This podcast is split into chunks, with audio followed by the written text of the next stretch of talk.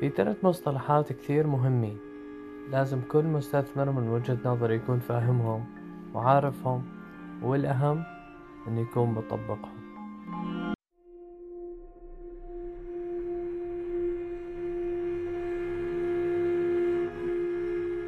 المصطلح الأول وهو time preference أو تفضيل الوقت.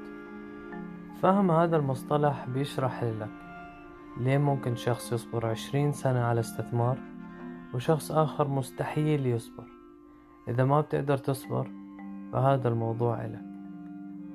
لاحظت بأن أغلب النصائح الاستثمارية تتطلب صبر طويل خمس سنين عشر سنين عشرين سنة.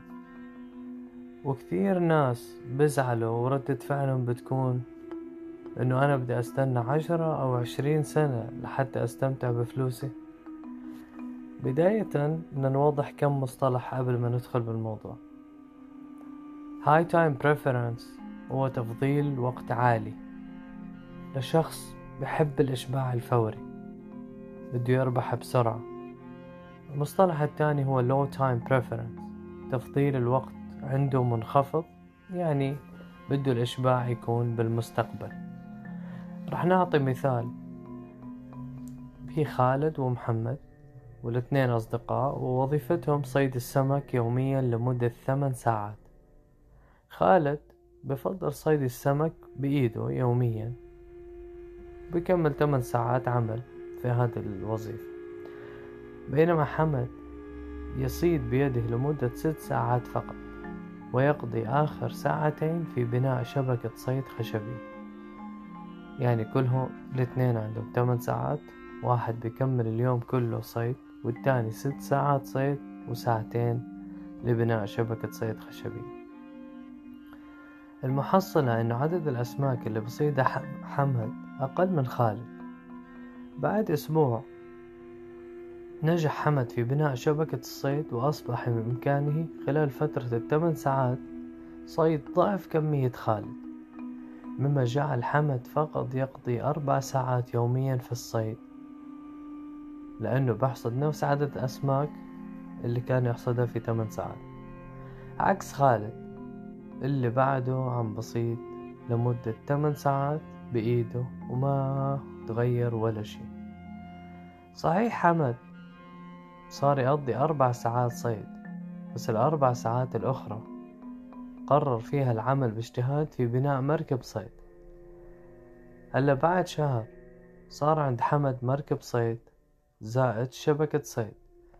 وصار بإمكانه الذهاب إلى أماكن عميقة وبعيدة في البحر لصيد أسماك مختلفة تماما عن أنواع صيد خالد. حتى صاد أنواع لم يراها خالد من قبل. إنتاجية حمد مقارنة بصديقه خالد مش بس أعلى ولكن أصبحت ذات جودة أعلى. خالد يحتاج إلى ثمان ساعات لصيد ما يحتاجه من السمك بينما حمد أصبح فقط يحتاج ساعة واحدة لصيد ما يحتاجه لأنه عنده قارب وعنده شبكة صيد. يقرر حمد في الساعات السبعة المتبقية بناء المزيد من شبكات الصيد والقوارب لتحسين حياته بأفضل شكل ممكن. طول ما خالد مستمر بنفس هذه الإنتاجية عدد الأسماك اللي يصيدها ما راح يتغير. وكذلك مستوى جودة حياته كمان ما راح تتغير. على عكس حمد اللي رفع من مستوى دخله وحياته. عملية حمد تطلبت منه مجهود بدون عائد. يعني وقت بناء الشبكات والقوارب لما كان يقل عدد الأسماك بينما خالد كان ياخذ أسماك أكثر أو يصيد أسماك أكثر. وعشان هيك نجح حمد مقارنة بصديقي خالد. راح أعطي مثال ثاني. في نهاية الستينات أجرى والتر مايكل دراسة نفسية شهيرة في جامعة ستانفورد تدعى marshmallow experiment. وكان فيها بترك الأطفال في غرفة مع قطعة مارشميلو أو كوكيز. وبخير الأطفال بين إنه تأكلها هلأ وعدم أكلها. وإنه تصبر خمستاشر دقيقة وقتها يعطيك قطعة تانية كمكافأة. بمعنى الأطفال كان عندهم خيار إما الإشباع الفوري بقطعة واحدة أو الإشباع المتأخر والحصول على قطعتين. كانت طريقة بسيطة لاختبار تفضيل الوقت ال time preference عند الأطفال. الطفل اللي بصبر عنده تفضيل منخفض اللي هو ال low preference الطفل اللي بياكل بسرعة وما بصبر عنده تفضيل عالي للمتعة اللحظية اللي هو ال high preference العالم تابع نمو الأطفال حتى وصولهم إلى مراحل الجامعة. ووجد علاقة قوية بين الأطفال الصبورين الصبورين التفضيل المنخفض. بين علامات دراسية عالية علامات اختبارات قياسية مؤشر كتلة الجسم الابتعاد عن المخدرات. مقارنة بنتائج الأطفال ذوي الإشباع الفوري. الفكرة بأن الكل يريد الإشباع الفوري ويتمنى الثراء السريع ولكن لكل شيء ثمن في هاي الحياة.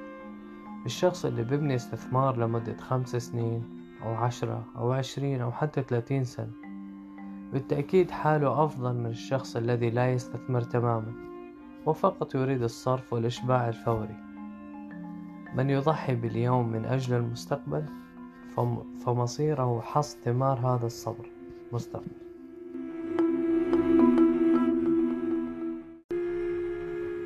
المصطلح الثاني اللي هو ال compounding أو العائد المركب. أينشتاين سمى ال compounding الأعجوبة الثامنة لأنه قادر على تحويل أي مبلغ صغير إلى كبير. فهم هذا الموضوع بغير طريقة تفكيرك عن الاستثمار. بوضح لك قوة استثمار المبالغ الصغيرة اللي ممكن تستهين فيها. بالمناسبة في كتاب مهم ممكن تقرأه اسمه The Compound Effect. تعريف العائد المركب. العائد المركب هو العائد على الربح الذي تحققه عبر السنين والزيادة عليه. العائد هذا يعتبر سر وارن بافيت اللي هو أحد أعظم المستثمرين إذا ما كان أعظمهم في سوق الأسهم مثال صغير مستثمر يتوقع عائد عشرة بالمية على ألف دولار. بعد سنة المبلغ صار ألف ومية دولار. بعد سنتين مفروض المبلغ يصير ألف ومتين دولار بس المبلغ صار ألف ومتين وعشرة دولار. هاي العشرة الزيادة هو العائد المركب فتخيل إنه أنت تستثمر فلوسك على لمدة خمس سنين أو عشر سنين. قديش ممكن يكون العائد المركب تبعك تبع الاستثمار؟ بدون ما تكون عم بتبيع وعم تشتري وعم تتأثر بالانهيارات والانخفاض. إن أهمية الاستمرار بشكل مستمر وعدم محاولة الدخول والخروج والتي يتوقع بها الشخص بأنه يتفادى الخسارة ويرجع وقت الربح. بتطلع بتفكر حالك أنه أنت حميت مصاريك. بترجع بتفكر حالك أنه أنت اشتريت في سعر مغري.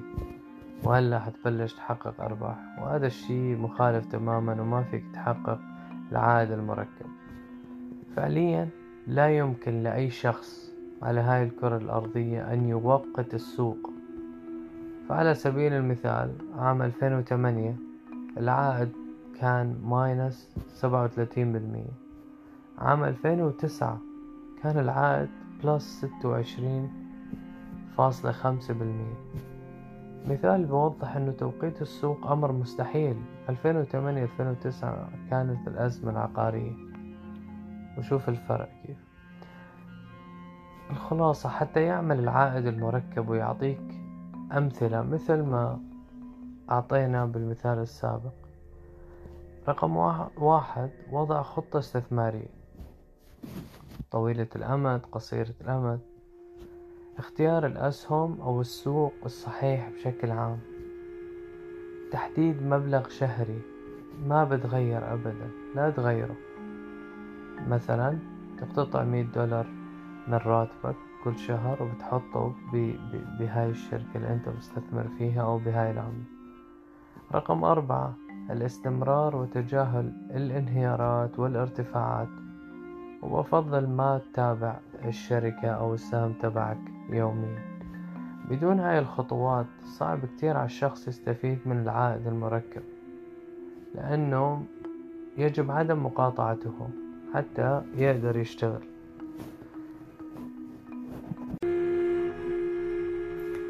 المصطلح الثالث هو dollar cost average ممكن تلاقي حالك في يوم من الأيام عندك مبلغ جاهز للاستثمار. ممكن تكون ورثته أو مكافأة من الشغل. في استراتيجيتين من من الاستثمار. dollar cost average اللي هي DCA واللي هي بتقسم أي مبلغ معك على دفعات تجنبا الانهيار بالسوق أو سقوط سعر السهم. الاستراتيجية الثانية وهي lump sum investing وهي إنه تفوت على دفعة واحدة. معك عشرة آلاف دولار اخترت شركة مايكروسوفت أو Apple واستثمرت فيها. المشكلة بال lump sum investing بمجرد ما أنت تفوت آه، بكل المبلغ فأنت افترضت إنه الشركة راح تطلع وإنه هاي نقطة انطلاقة وإنه أنت راح تحقق أرباح من هون ورايح. بس ماذا لو نزل سعر السهم؟ فانت متوسط سعرك بهاي الشركة حيكون عالي لأنه حطيت كل المبلغ. على عكس لو أنت قسمت المبلغ اللي معك على دفعات. يعني اشتريت اليوم بعد شهر نزل سعر السهم رجعت اشتريت بعد شهرين ارتفع شوي رجعت اشتريت. بعد ثلاث شهور نزل كثير رجعت اشتريت. فهيك أنت بتكون ما ما ما جازفت بكل المبلغ. ورقم اثنين تجنبت ال volatility تذبذبات السوق وكان متوسط سعر الشراء تبعك جيد. على عكس لما أنت تحط تستخدم استراتيجية ال lump sum investing وتحط كل المبلغ وبعديها ينزل. يعني ال dollar cost average هو باختصار شراء مبالغ ثابتة على فترات منتظمة ولفترة طويلة بغض النظر عن السعر. كل ما ينزل راتبك تاخد مية أو ميتين دولار تستثمرهم بغض النظر عن السعر. هيك أنت بتكون عم تحافظ على فلوسك عم تستثمر. عم تقلل إذا كان السوق فيه هبوط عم تقلل ال average تبع سعر الشراء تبعك. هيك بنكون وصلنا للختام. حكينا عن ال compounding effect حكينا عن تفضيل السعر. حكينا عن dollar cost average من وجهة نظر هدول ثلاثة من أهم مفاهيم الاستثمار. ولازم كل مستثمر مرة تانية يكون عارفهم وفهمهم ويعمل فيهم. تصبح على خير.